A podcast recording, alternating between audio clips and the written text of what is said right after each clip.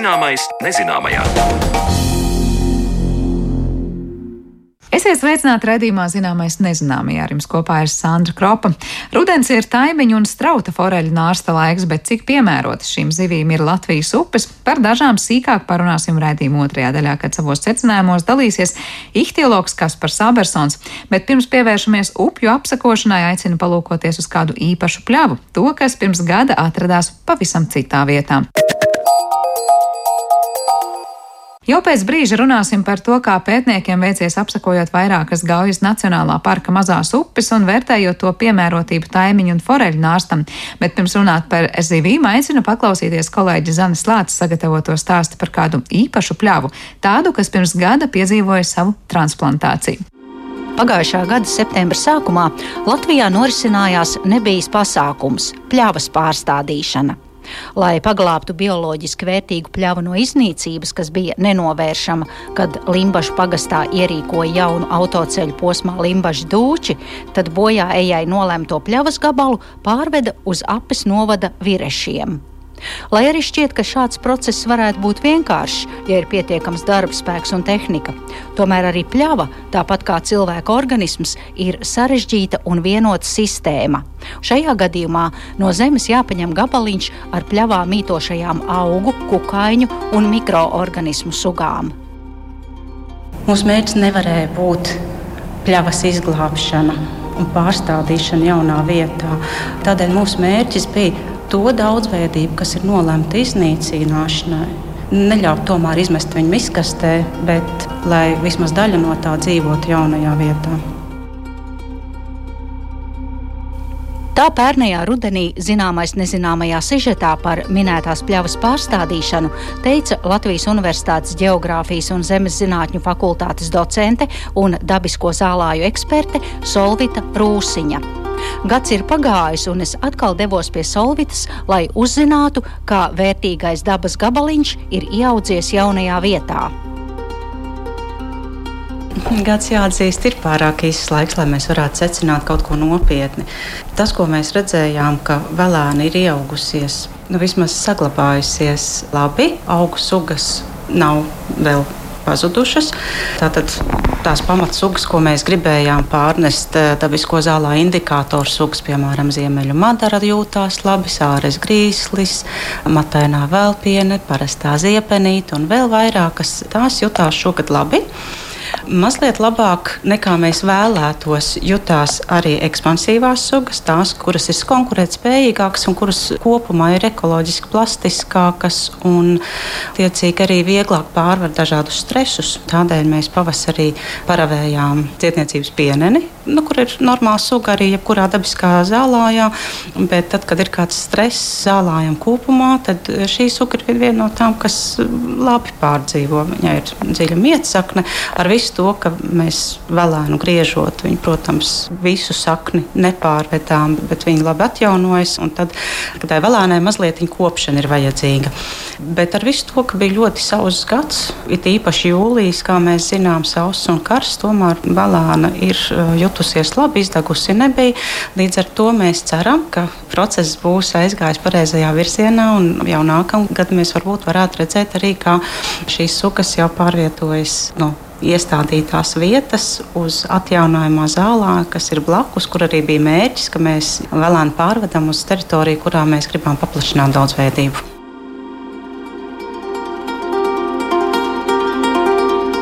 Lai arī pirmais gads ir pārlaists veiksmīgi, tomēr Solvita Rūsiņa norāda, ka šī metode nav panacēja bioloģiski vērtīgā zālāja atjaunošanā. Vēlēns pārstādīšana ir jāuzskata par maksimālu labuma iegūšanu no pļavas pirms tā ir iznīcināta, nevis par pļavas izglābšanu. Ar vēlēnas pārnešanu mēs nevaram visu ekosistēmu pārnest un, un gaidīt, ka jaunajā vietā tā pilnesinīgi dzīvos un pildīs savu funkciju. Taču, protams, ka vēlēnas pārstādīšana var būt ļoti noderīga metode situācijās, kad sabiedriskā labuma nacionāli nozīmīgu projektu veikšanai kādā teritorijā tomēr dabiskas zālājs vai varbūt pat tuvu dabiskam zālājam. Arī tādas vietas, kuras ir dabiskojušās, tik tālu, ka mēs jau tur redzam dabisko zālāju sugas, bet joprojām nav dabiskojušās tik tālu, lai mēs viņus atzītu par īpaši aizsargājumu biotopu. Arī tādas zālājus jau ir vērts ņemt un um, šīs valāņas pārstādīt uz vietām, kur mums sēlās ir jāveido no jauna. Respektīvi, valāņas pārstādīšana joprojām nebūs dabisko zālāju glābšanas panacēja, un uh, joprojām ir skaidrs, ka ir ļoti vispusīgi jāizvērtē katra projekta, katras vietas, kurā mēs esam spiesti iznīcināt. Ir jāizvērtē, kāds būs iegūms, kāds būs zaudējums, un noteikti būs vietas, kur labākais risinājums būs pļāva atstāt, jo daudzkārt šī lokālie apstākļi ir tik īpaši ar mitruma apstākļiem, piemēram, saklogrāju sistēmas, kur mēs mitruma apstākļus noteikti nevaram nodrošināt jaunajā vietā, tādus kā tie ir uh, konkrētajā vietā. Un tāpat arī par retām sugām. Ja retas un aizsargājamas sugas tās ir ļoti jutīgas, ar ļoti šauru ekoloģisku amplitūdu, ar ļoti lielu jutību pret stresa apstākļiem. Arī zinātniskajos pētījumos ir pierādīts, ka tieši retās un aizsargājamās sugas ir tās, kas vissliktāk iedzīvojas jaunajā vietā, kuras mums ir visgrūtāk pārnest un pārstādīt. Līdz ar to teritorijās, kur ir šādas sugas eh, nozīmīgas populācijas, tur iznīcināšana noteikti notiks tikai lēnākā veidā, ja mēs mēģināsim vēlēni pārnest. Tad tur ir ļoti maza varbūtība, ka mums būs veiksmīga pārstādīšana. Ja mēs jau sākotnēji gribētu pieņemt tādu uh, sevis glābšanas vai šī projekta glābšanas stratēģiju un teikt, jā, mēs jau visu varam pārstādīt, pārnest un nekas slikts nenotiks, diemžēl tik vienkārši ekoloģijas dzīve nav. Nu, te varētu vilkt kaut kāds paralēls arī ar cilvēku organismu tajos gadījumos, ja cilvēkam tiek um, pārstādīts kāds donora orgāns ne jau vienmēr tas teikt, jaunā saimnieka ķermenī iedzīvojas. Jā. Jā, tieši tā. Tādēļ vienmēr katrā, katrā individuālajā situācijā būs jāvērtē individuāli apstākļi, gan to, vai mums ir donoru uh, teritorija tāda, kuru mēs varam zaudēt, salīdzinot ar ieguvumu, ko mēs iegūsim sabiedrībai vai labklājībai, vai kas no šai projektā ir plānots, un izvērtēt, vai mums ir arī vieta, kur mēs varam pārstādīt. Un tas ir tikpat svarīgs tikpat nozīmīgs faktors, kā tas, vai mēs fiziski varam pārnest vēlānu un, un pārstādīt. Vērtīgajā pļavā tik vienā kvadrātmetrā tika saskaitītas 43 augu sugas, un, diemžēl, pēdējos gados tik pārbagātas teritorijas ar augiem pie mums jau ir retums.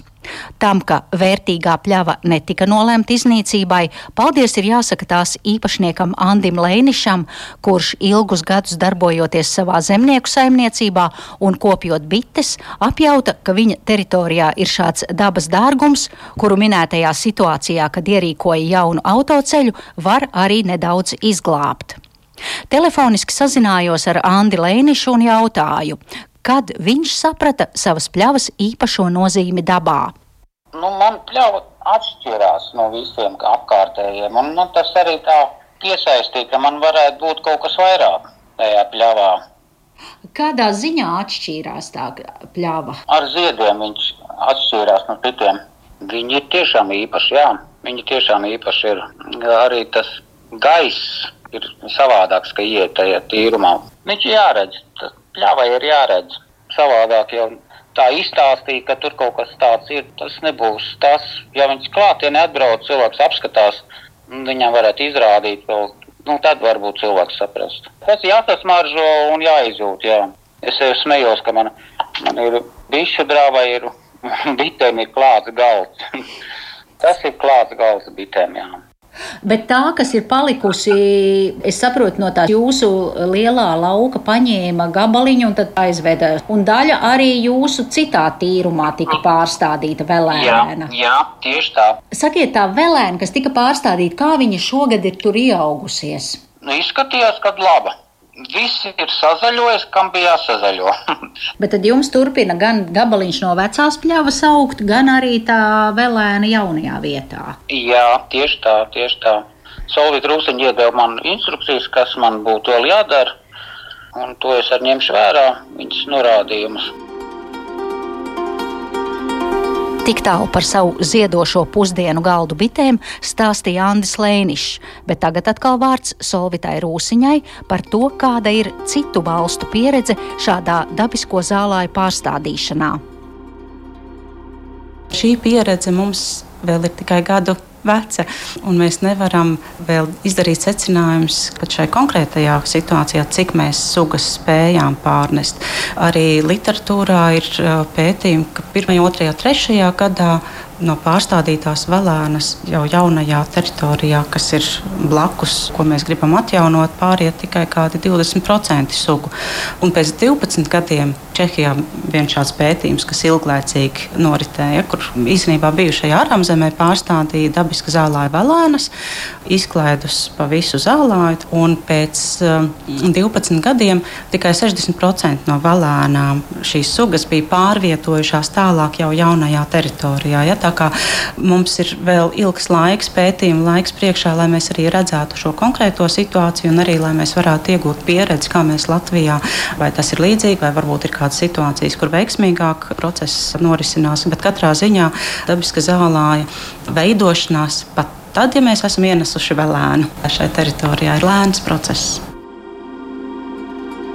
Latvijas teritorijā kopš pagājušā gadsimta sākuma jau ir izzuduši vairāk kā 90% dabisko zālāju, un pēdējos gados vien kādi 15-17% ir bioloģiski vērtīgās pļavas. Cik no tām saglabāsies, cik būs jāreanimē un cik no tādām atliekām būs dzīvotspējīgas, to rādīs mūsu attieksme un arī laiks. Paldies Zanēlācijai par sagatavoto stāstu, bet nu gan no pļavām pievēršamies upēm, kas īpaši pētītas, lai noteiktu to piemērotību taimiņu un strauta foreļu nārstam.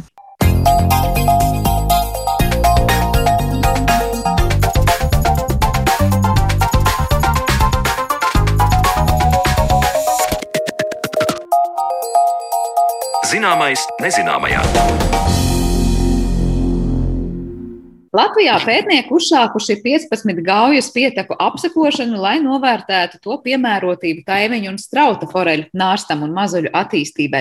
Kādi ir pirmie secinājumi un kādas tad ir gaujas Nacionālajā parkā esošās ūdens tilpas? Plašāk runāsim arī mēs raidījuma atlikušajā daļā, kad uz sarunu attālinātajā studijā esmu aicinājusi ihtiologu un zinātniskā institūta biopētnieku Kasparu Ambersonu. Labdien!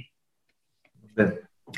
Vispirms par to aktualitāti. Es saprotu, ka no vienas puses ir uzsākts tātad apsakošanas process, bet nu, kaut kādā mērā pirmie secinājumi vismaz pašiem pētniekiem jau noteikti ir, lai gan varbūt tādas rakstiskas publikācijas vēl nav pieejamas. Varbūt varam vispirms parunāt par to, kas tad īsti ir noticis pēdējā laikā un kāpēc tieši Gaujas Nacionālā parka teritorijā upes ir apsakotas. Tur ir divi iemesli.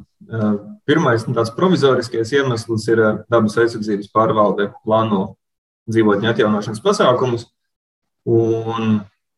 Viņi ir tik lieliski, ka viņi ir pasūtījuši arī monitoringu saviem darbiem.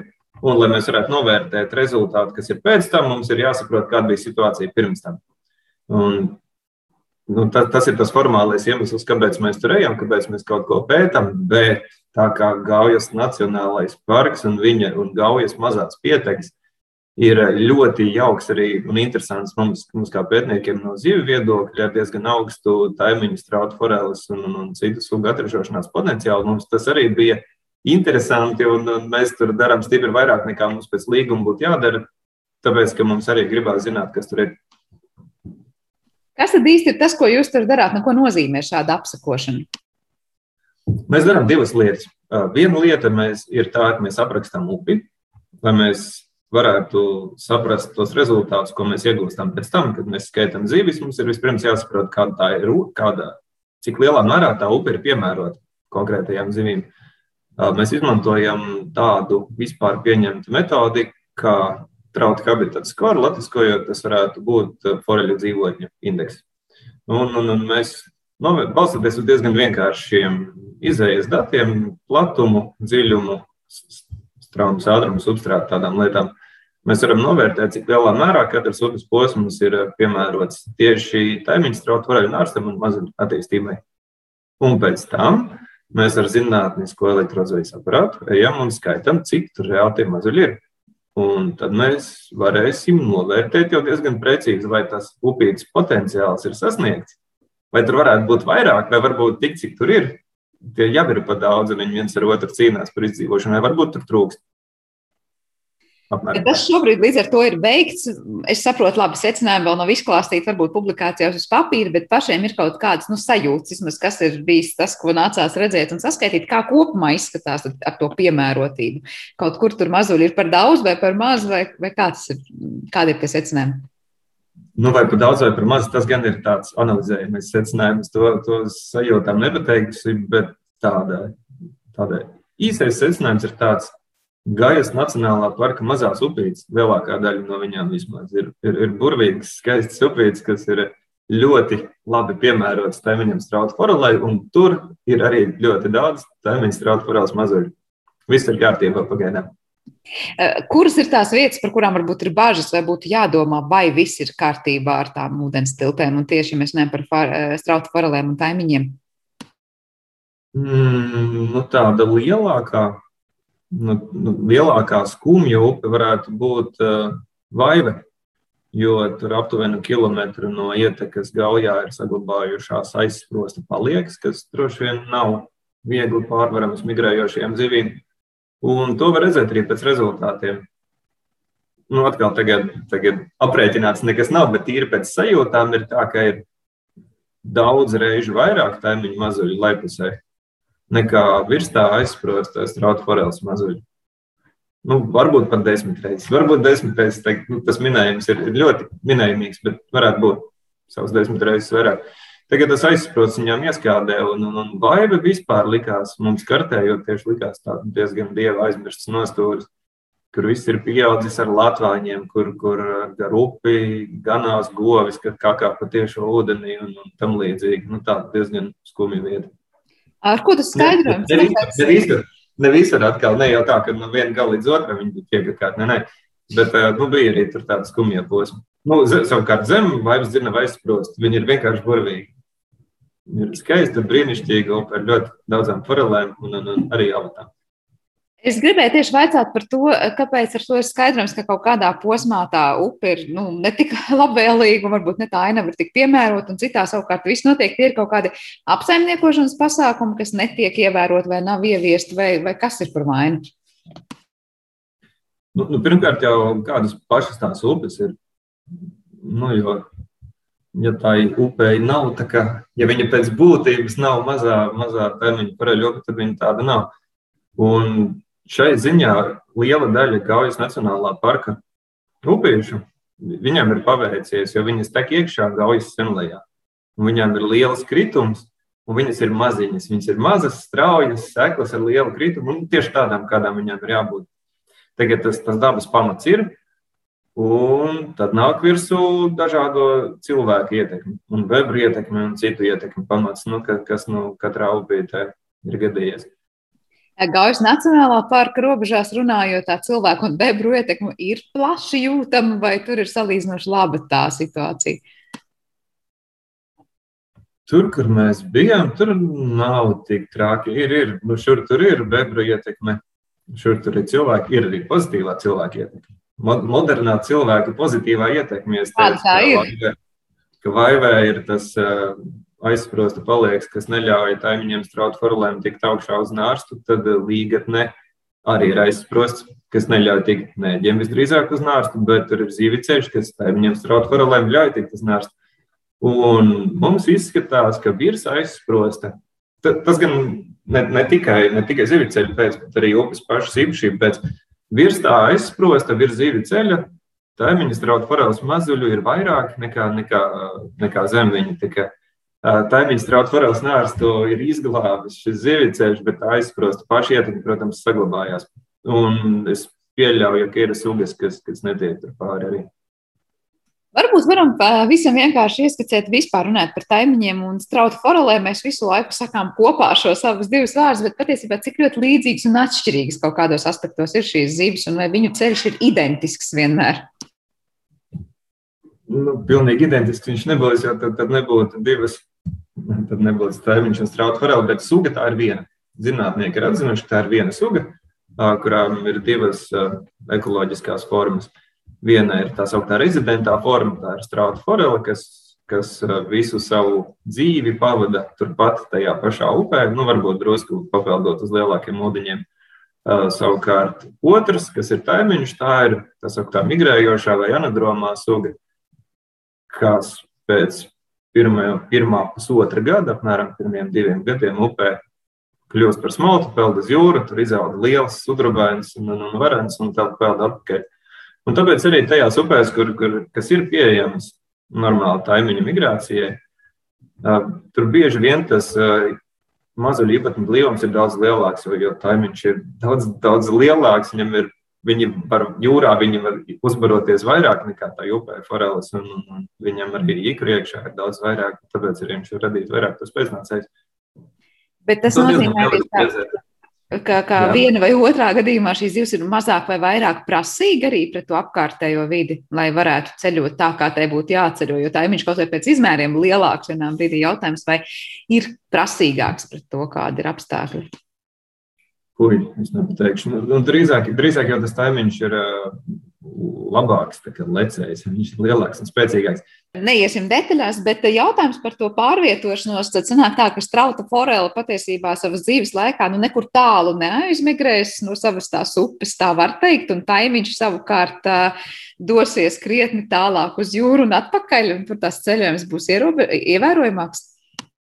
Nu, pilnīgi droši ir tas, ka taimiņš dosies uz jūru un atpakaļ. Tas, tas, ir, tas ir pilnīgi droši, cik tālu aizpeldēs strauta foreli, kas to lai zina. Es pieļauju, ka ir pētījumi. Mums Latvijā nezinu, neesmu lasījis, bet droši vien ir kaut kāda pētījuma. Tas gan jau arī no upes atkarīgs un no iespējām.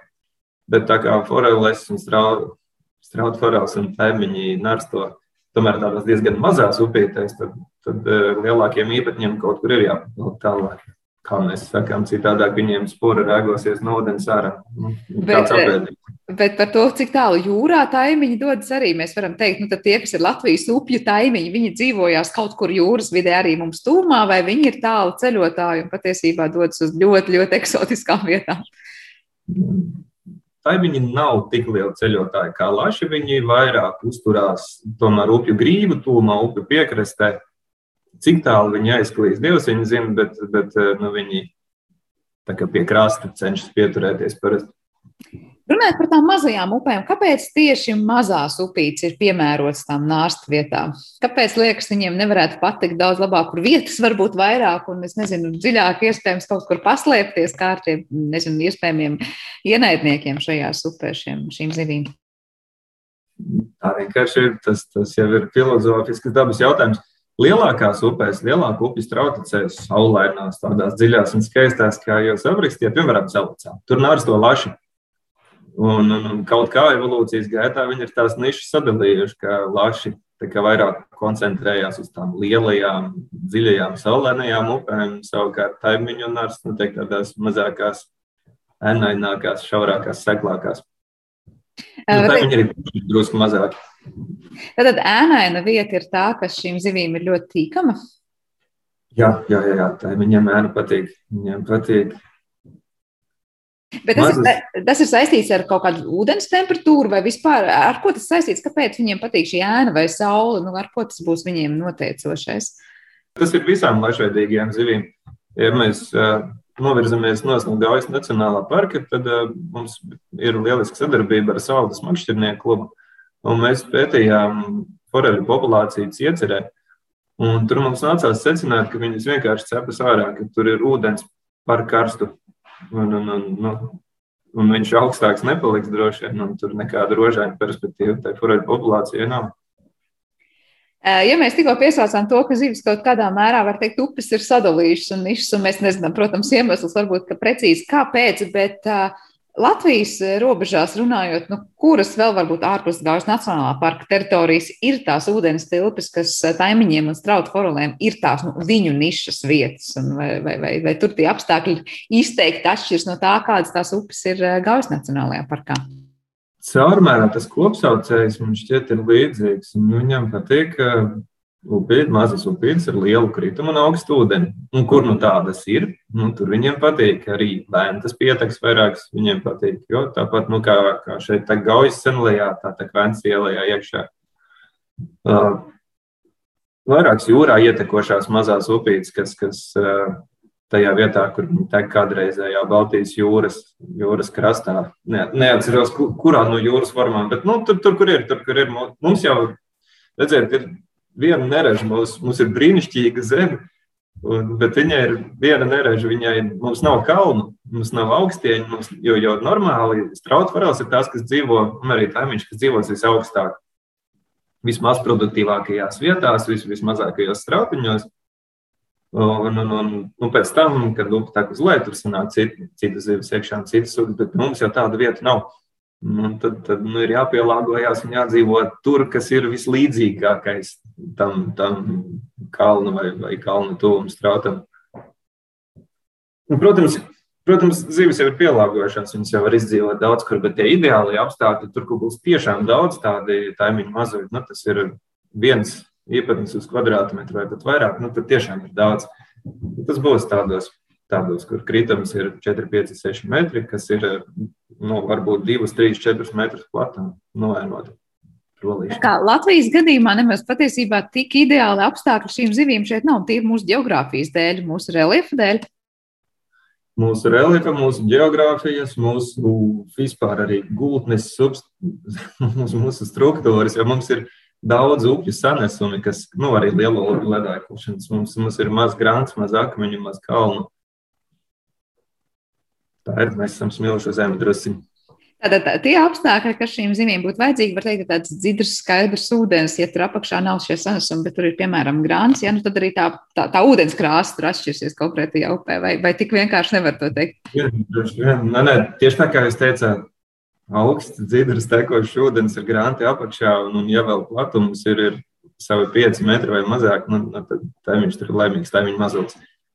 Mēs visu laiku runājam, nerunājam, jā, tas jāpieņem. Mēs jau nerunājam par, par tiem, ko, makš, ko makšķernieki iet un makšķerē laukā.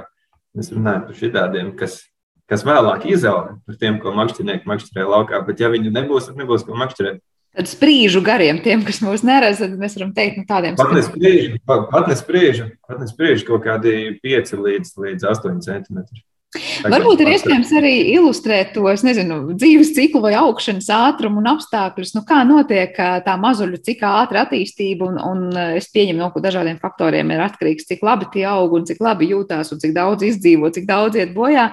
Ja mēs tādā gada griezumā skatāmies, nu, kurā laikā tad ir šis nārsts, kurā laikā tie mazuļi pēc tam attīstās un kurā laikā tās jau ir lielas un pieaugušas zivis.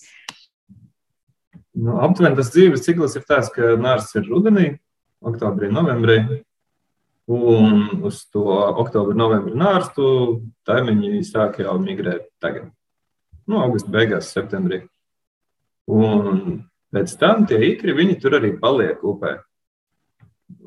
Turpat nārsta līgzdās, viņi veido tādas speciālas līgzdas, un, un, un tas ikrs tur sēž un gaida pavasari. Es precīzi laiku nepateikšu, kad viņi šķiļās, bet uh, pavasara pusē, tur izšķirās kāpuri, no kāpuriem izaug mazuļi, tad viņi visu, visu, visu vasaru un nākamo ziemu sēž upē. Par šīm nāstrulīgzdām runājot, kādas tās ir taimiņu strauta foreļu kontekstā, vai tas ir kaut kas interesants arī tīri no zinātniskā viedokļa skatīties, nu kādos apstākļos eh, zivis tās veido vai kādas tās izskatās? Cik es esmu runājis ar cilvēkiem, kas tieši pēta taimiņus, eh, Tas ir diezgan tāda unikāla konstrukcija, kas, kas, kas veido ūdens virpuli, tādējādi iesūcot svaigu ūdeni no apakšgala visu laiku, kas, kas tos ikrus apskābekļo, lai, lai būtu labi apstākļi. Tāpēc viņiem nepatīk, ikru attīstības laikā nepatīk, ja upē ir pārāk daudz smilšu, pārāk daudz nogulumu un, un citu lietu, tad viņiem ķepējās ciet šie apskābekļošanas caurumi. Nu, labi, ja mēs, piemēram, skatāmies šīs upes, apsakojam, ka, piemēram, es saprotu, nu, izskatās, ka tās, vismaz Gaujas Nacionālā parkā esošās upes ir laba vieta, lai tur justos labi taimiņi un strauti forels. Kas vēl, ja šīs zivis jūtas labi šajās upēs? Arī dzīvo, var teikt, tādos nu, vienos apstākļos ar viņiem, un kur vēl ir citi ieguvēji vispār zivju pasaulē. Nu, kā teikt, ar kuriem ir tā sadarbība, varbūt tur izveidojusies tā, un ja viena dzīvot un ar vieniem, tad tā dara noteikti arī kādiem citiem. Zinu, ka diezgan maz kas, diezgan maz kas, ja mēs runājām iepriekš, un arī tagad par tādu ideālo taimiņu nārsta upi, tad tur viņš būs gandrīz viens pats. Tur, jo tā ir augsta, maz produktīva, un, un, un tur, tur nebūs daudz citu zivju. Ar ko visvairāk taimiņi parasti draudzējās, tie ir upes un strauta nēģi. Ir diezgan daudz pētījumu arī mūsu lietuviešu kolēģiem, kas ir secinājuši, ka viņi nārsto vienās vietās. Bet, acīm redzot, viņi viens otram netraucē, kas ir interesanti, jo taimiņi nārsto rudenī, un nēģi nārsto pavasarī. Un tad tie nēģi, kad nāk nēģi nārsta laiks, tad viņi rokās pa, pa taimiņa jau, jau tā kā uzrušinātajām tām līzdām, bet uh, izskatās, ka tas nevienam īsti pa ļaunu nenāk, un tā viņi kopā sadzīvo.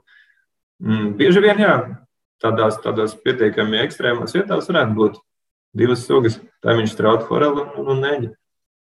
Jā, var teikt, viņi aizņem tās vietas, kas varbūt ir nu, citu zivju pamestas vai nepiemērotas, proti, ar šo seklumu, augstumu, vai es nezinu, es saprotu, bagā, ne īpaši bagātām barības vielām vietas, kur, kurā vietā viņi atrodas. Jā, jā, jā, jā apmēram tā, apmēram tā. Nu, vēl tur var būt arī, nu, protams, pārdēnies akmeņgrauds. Tas ir tāds dzīvnieks, kas ir gandrīz jebkur. Bet īpaši arī šādās vietās. Nu. Kas notiek tālāk? Es saprotu, ka šobrīd pētī, nu, apsakojums ir veikts. Tālāk mēs sagaidām laikam kādus oficiālākus rezultātus, bet kādi ir tie nākamie soļi, varbūt kādi secinājumi, pie kuriem gribētu nonākt pēc tam, kad ir tas darbs padarīts reāli upēs? Te ir vairākas līmeņos jāskatās. Tas pats pirmais rakstu darbs, kas mums ir, Tas ir certificēta eksperta atzinuma par plānoto darbu ietekmi uz zivju resursiem. Nu, Tīri birokrātiska lieta, kam ir jābūt, lai upē kaut ko darītu, nokārtot atļaujas no valsts vidas dienesta. Tas, tas ir tas, ko mēs tagad rakstam. Pēc tam mēs rakstīsim tādu kā novērtējumu. Nu, būs tāds vis, visaptverošāks novērtējums par tām upēm, kur, kur mēs bijām, ko mēs secinājām, ko mēs atradām. Un, un, un te varētu būt diezgan tie jautājums, kāds ir potenciāls, kāds ir šī potenciāla izmantojums.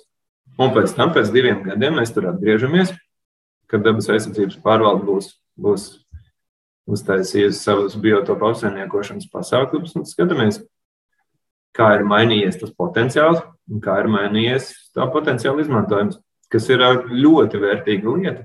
Latvijā īsti man šķiet, mēs esam kaut ko mēģinājuši darīt, bet šādā mērogā tas, tas ir pirmo reizi un, un tas tiešām ir vērtīgi gan apsaimniekotājiem saprast, kāds ir tas pienesums no, no ieguldītās piepūles, gan mums pašiem saprast, kas darbojas, kas nedarbojas, kas tajā upē mainās. Bet šī mazā upe, tā pieteka tika skatīta, var teikt, nu, visā garumā, vai jūs izvēlējāties kaut kādus konkrētus eh, vietas, kurās jūs veicāt to minēto izpēti sākumā? Vai... Kā kura? Kā kura, kā kura ir tādas, kas ir visā garumā, nu, ne visā garumā, bet visā tajā posmā, kur ir paredzēti darbi, Ir tādas, kur ir gandrīz visā posmā, nu, un ir arī, ir arī tādas, kur, kur tikai zivis esam ķēruši. Tad, nu, es jau no sākuma teicu, ka tas jau ir tāds mūsu papildinājums. Tas, tas līgumā, tā kartēšana nebija līgumā iekšā. Tas ir eh, tas, ko mēs uzņēmāmies paši. Tīri savas intereses pēc, un nu, ne visur varēja atrast laiku to izdarīt. Bet kāds notiek, vai, piemēram, tagad izpētot, nu, cik piemērotas ir šīs konkrētās vietas un tie secinājumi tiks izdarīti, ir svarīgi saprast vairāk tādā reģionālā kontekstā, kas vispār notiek, piemēram, kaimiņu valstīs ar kaut kādām ūdens tilpēm un to, kā, vei, kā, kā tur dzīves apstākļi šīm upēm. Jo vai šeit mēs varam teikt, nē, patiesībā, ja mēs saprotam, kāda ir konkrētā mazā upīte, ar to arī pietiek, lai mēs saprastu, vai tai zivī kopumā klājas labi vai slikti. Jo, protams, mēs vienmēr sakām, mēs nevaram kaut ko skatīt atrauti no kaut kādiem daudz reģionālākiem un globālākiem procesiem. Kā ir ar strautu paralēliem un taimiņiem, vai viņi tomēr savas nu, nārsta vietas dēļ ir vairāk tā kā tādi izolētāki? Diezgan, diezgan, jā, jā lašveidīgās zivis lielākā daļa. Laši jo īpaši taimiņi netika ļoti, bet arī tomēr ir pieķērušies tām savām dzimtajām upēm. Un labs stāvoklis vienā upē nekādā veidā nenorādīs uz labu vai sliktu stāvokli citā upē, jo tur būs cita populācija. Protams, noteikti tas ir absolūti kaut kāda jaukšanās jau notiek, bet nu, taimiņiem ir ļoti līdzīgi kā lašiem, ka viņi, viņi koncentrējas uz to savu. Nēģiem ir citādāk. Tas sakot, kur, kur, kur nārsta vieta, tur dzimtene, viņam diezgan vienalga. Var teikt, vieglāk nēģiem? Vai? Nēģiem nu, savā ziņā vieglāk. Nu, teiksim, Latvijas nēģu populāciju novērtēt ir daudz vieglāk. Izvēlamies kaut, kaut kādus punktus, un tad, tad mēs viņus katru gadu monitorējam. Viņi arī parāda visas valsts stāvokli. Jo nav svarīgi, vai šeit ir un tur nav, jo viņi sajaucās tādās. Jā, pieminot kaimiņu valsts, tas mums bija tāds interesants pētījums, kurā mēs skatījāmies, kā jaucās Latvijas un Lietuvas nēģu populācijas. Jo tīri domājot par apsaimniekošanu, vai mums ir katrai valstī sava, mēs apsaimniekojam katrs savu, vai mēs visi kopīgi. Un izrādījās, ka mums ir kopīgs. Ja par strautu paralēm un taimiņiem runājam, kā mums tad ar tām populācijām kopumā mēs varam teikt, ir pāragri teikt, lai mēs būtu novērtējuši tos resursus Latvijā un pateikt, mums ir labas šīs populācijas un, vai, vai, vai sliktas, un, ja gadījumā sliktas, tad kas jādara, lai tās atjaunotos un, un tā tālāk un tā joprojām. Par visu Latviju jau grūti, grūti būs teikt. Par taimiņu populāciju novērtēšanu Tur strādā speciāla darba grupa, starptautiskā jūras izpētes padoma, laikam. Un ir cilvēki no mūsu institūta, kas ar to nodarbojās, un viņi tiešām varēs pateikt, kā tur ir. Nu, tas, ir tas ir viņu pamatdarbs, viņi to arī dara. Es šeit tīri projektu ietvaros, no šī pētījuma ietvaros, un tīri par Gaujas Nācparku, par ko es noteikti runātu. Es tur biju, tur varu teikt, ka ir labi. Ir labi. Tur, kur ir labi, tur ir labi. Un tur, kur ir slikti, tur ir slikti. Nu, vai vai tas aizsprosts ir diezgan daudz ieskādējis. Un, uh, tādās upēs, kas arī bija šeit pētījumā iekļauts, mazākas un mazāk zināmas, kā piemēram Siļķupītē. Un, un, un pāris citās tur ir patiešām bēdīgi. Tur, tur, tur, ir, tur ir, nezinu, vai tur kādreiz ir bijis kaut kāds taimiņu potenciāls, bet nu vairs viņi tur nav. Bet, ko tas nozīmē reāli? Ja vienā mēs varam teikt, upē, nu, ja ir labi, tad tur ir labi. Tur arī būs labi, vai mēs varam būt netik ļoti pārliecināti, ka varbūt pēc gada vai diviem tur joprojām būs labi šīm populācijām. Cik jutīgas ir tās vietas, vai mēs varam teikt, ja šo, šogad novērtējāt un ir labi, mēs varam teikt, esam mierīgi, tur vēl gadiem zivis dzīvos un jutīsies labi, vai patiesībā viss var mainīties diezgan ātri. Nu, sabeigt ar visu, un tās ir pietiekami jutīgas sugas, jā. Nu, ar, ar taimiņu tādā ziņā viņam ir drusku lielāka tā amortizācijas iespēja, jo viņš tomēr pieaugušie īpatņi dzīvo jūrā. Un, ja tas nenotiek daudzus gadus sistemātiski un briesmīgi, tad tā populācija atjaunosies, jo paliks nu, kaut kāda stāvokļa, mm, kaut kāda apstākļa atgriezīsies normāli. Ar Strautforu droši vien visu jau var nobeigt. Mm, mēs esam citu, redzējuši šādu situāciju. Tas nenotika vienā gadā, visdrīzāk, atkal pieminot cieceri. Jo nākošais bija, bija, bija mēģinājums saprast, kur tās forāls ciecerē rodās, ja ciecerē viņām ir pa karstu. Un skatījāmies pieteks, un, un bija viena brīnišķīga cieceres pieteka, kas saucas Paksīti. Un tā bija tā bebra apsēsta, ka viņi izskatījās kā, kā inku, inku tās dārziņu kaskādas kalnu malā. Tur nu, viens dāmas beidzās, sākas otrs. Un tur, protams, nekādu foreļu nebija, bet uh, saldēnieši cīnījās tieši ar bebru populāciju. Nevis jauca dāmas, bet cīnījās ar bebru populāciju. Un šogad mēs atgriezāmies tajā upē. Un situācija ir stipri labāka. Tagad tur foreļs nērsto. Tā kā sabeigt ar visu, protams. Bet, lai atjaunotu vai vismaz radītu apstākļus tur, kur jau ir slikti, lai forelēm vai kaimiņiem būtu labi, tad tas ir primāri jādomā, kas notiek ar bebriem un dambiem, ja? un, un cik ātrā mm. tempā mēs varam tos novērst. Jā, jā, ja, ja mēs skatāmies Gaujas Nacionālo parku, nu, pirmkārt ir tas, ka upīts tā iekšā Gaujas senlajā viņam ir labs kritums, bet viņas lielākā daļa tek arī, kā mēs rakstījām, atzinumā, reti apdzīvotā mežiem klātā apvidū, viņiem jau tā antropogēnā faktora, antropogēnā ietekme vairumā ir, ir nekāda. Nu, izņemot, šur tur ir kaut kāds aizsprots un autoceļu šķērsojums. Visādi citādi viņas tek, dažas tek pat stingrā režīma zonā, kur īstenībā neviens nedrīkst iet, un, un nu, tur, tur tie potenciālie draudi ir stipri mazāki. Nu, galvenais draudz ir tas, ka tiešām bebras viss noslīcinās. Un, Un, un otrs ir, ka kāds izmazgās amoniaku mūsu augstacē, kas man liekas, mūsdienās arī, arī vairs īsti nenotiek. Tā kā, nu, tur tādi akūtu draudu tur nav, bet pamazām, pamazām viņi var tā apaugt ar bebru dambiem, ka, ka viņi pārstās būt viņi pat. Kā ar lauksaimniecības eh, klātbūtni upju krastos, vai tā ir liels drauds eh, konkrētajām šīm sugām? Pilnīgi noteikti, jā. jā, jā, jā, jā, jā. Jo intensīvāk lauksaimniecība, jo lielāks drauds. Jo tas neizbēgami nāk ar, ar biogēnu ienes, ar lauku mēslošanu. Nu, ja mēs runājam par skaidru, skaisti tekošu, noēnotu upi, ja tas ir teiksim, kukurūzas lauka malā, kur ir novērts līdz pašam, līdz pašam ūdenim, tad tur īsti ēnas vairs nav. Atkarībā no tā, cik tur ir mēslos, tur, tur nav arī, mm, tur nav arī, nav arī kas tur nav Nu, katrā ziņā tur daudz visādi barības vielu, kurām tur nebūtu jābūt. Jā, jā, jā, jā, jā. Un, un tad viņi no tāda maza skaista foreļa strautiņa kļūst par uh, mazu, bet neglītu raudu upīti. Nu, nu, kaut ko tādu.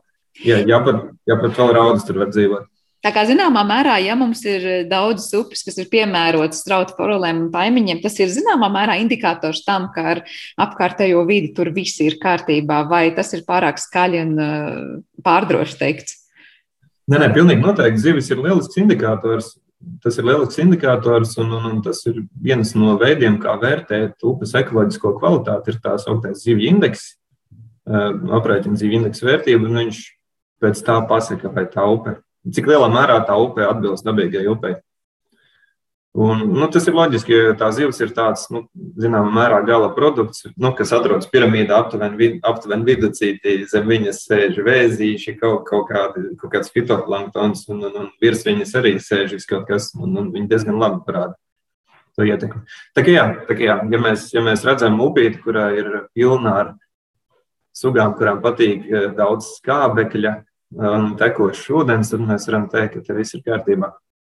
Jā, nu tādā ziņā liekas, ka uh, secinājums sulās būtu iepriecinoši. Vismaz tālāk par šīm apsakotajām upēm konkrētajā gadījumā, ja tur strauta paralēli taimiņiem liekas, ka klājas labi un viss notiek, tad liekas, ka tur viss ir kārtībā. Bet, laikam, arī nu, par visu Latviju kopā mēs noteikti tā nevaram spriest. To, ka mums ir teritorijas, kurās ļoti, ļoti jādomā gan par šo kukurūzu lauku līdz pašai malai, tādu vietu, diemžēl, mums arī Latvijā netrūkst.